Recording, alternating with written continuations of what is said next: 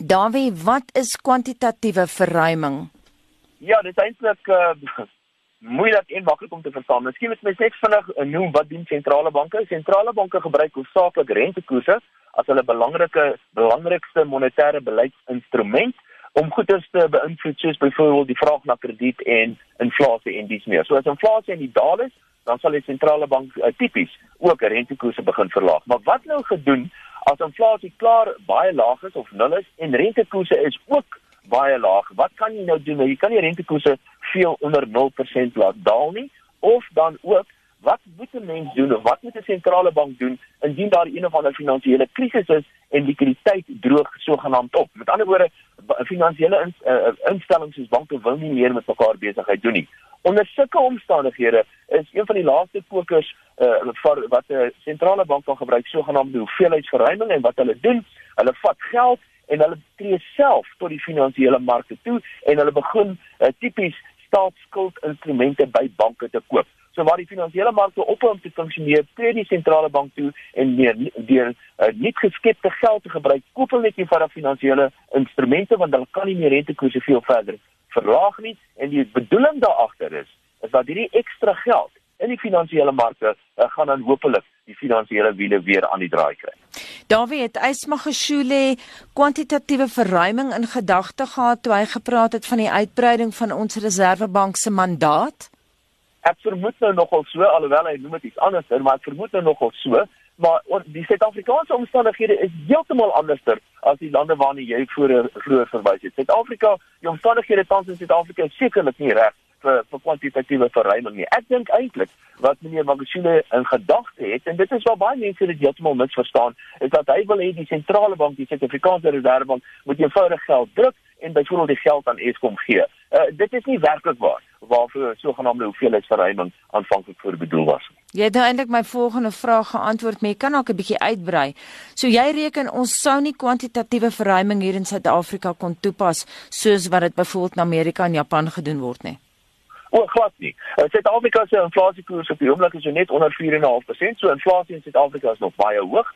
Rentekoerse in Suid-Afrika is ook relatief hoog en ons finansiële markte funksioneer heeltemal goed genoeg. En dis die twee vereistes nou nogal voordat kwantitatiewe verruiming uh, oorweeg behoort te word. Die eerste een is dat rentekoerse en inflasie laag moet wees en die finansiële markte moet ophou om behoorlik te funksioneer.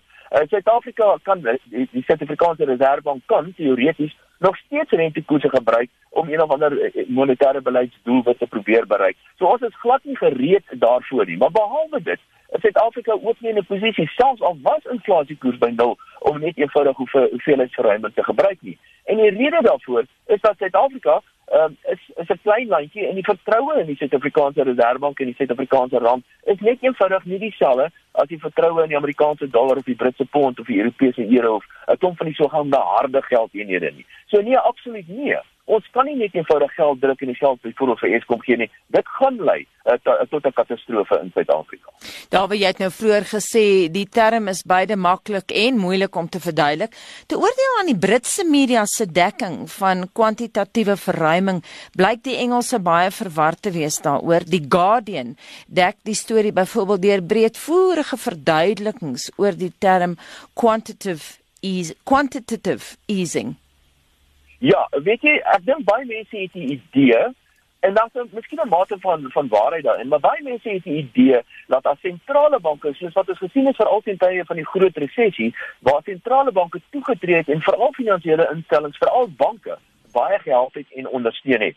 Nou is die idee dat sentrale banke net daar is om banke te help. Wat nie heeltemal waar is nie. Sentrale banke probeer die finansiële stelsel in stand hou en dit beteken onder andere om vir banke te help. Nou is daar baie populistiese politici en mense wat nie altyd presies weet hoe dit werk nie en ek wil miskien vir meer Magashule by insluit wat reken dat jy moet ophou banke te help, jy moet sommer mense direk direk help en jy moet geld druk en vir mense begin gee.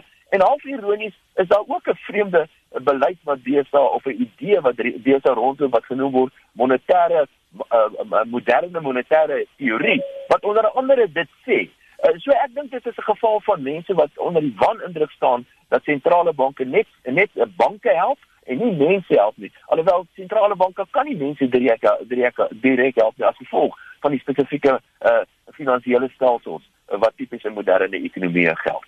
David, daar's duidelik ten minste in Brittanje teenstand teen kwantitatiewe verruiming. Die Guardian verwys na howls of protest. Hoekom is mense ja. so bang daarvoor? Ja, uh, een van daar's 'n hele klompie dat die mense raak nou al filosofies hoor, maar een van die besware teen hoeveelheidsverhouding is dat sentrale banke dit heeltemal afhanklik of laat politici daarvoor daarvan afhanklik raak. Sentrale banke dit te veel begin gebruik en uiteindelik gaan dit lei tot tot hiperinflasie. Ons het dit tot dusver nog nie gesien in die wêreld van die Amerikaners en die, die groot ekonomieë soos die Europeërs en die Japaneese nie, maar dit is een van die potensiële gevare van kwantitatiewe verruiming dat dit tot baie hoë vlakke van inflasie sal lei. Dit sal byvoorbeeld in lande soos Suid-Afrika baie hoë vlakke van inflasie lei om die redes wat ek flissies genoem het.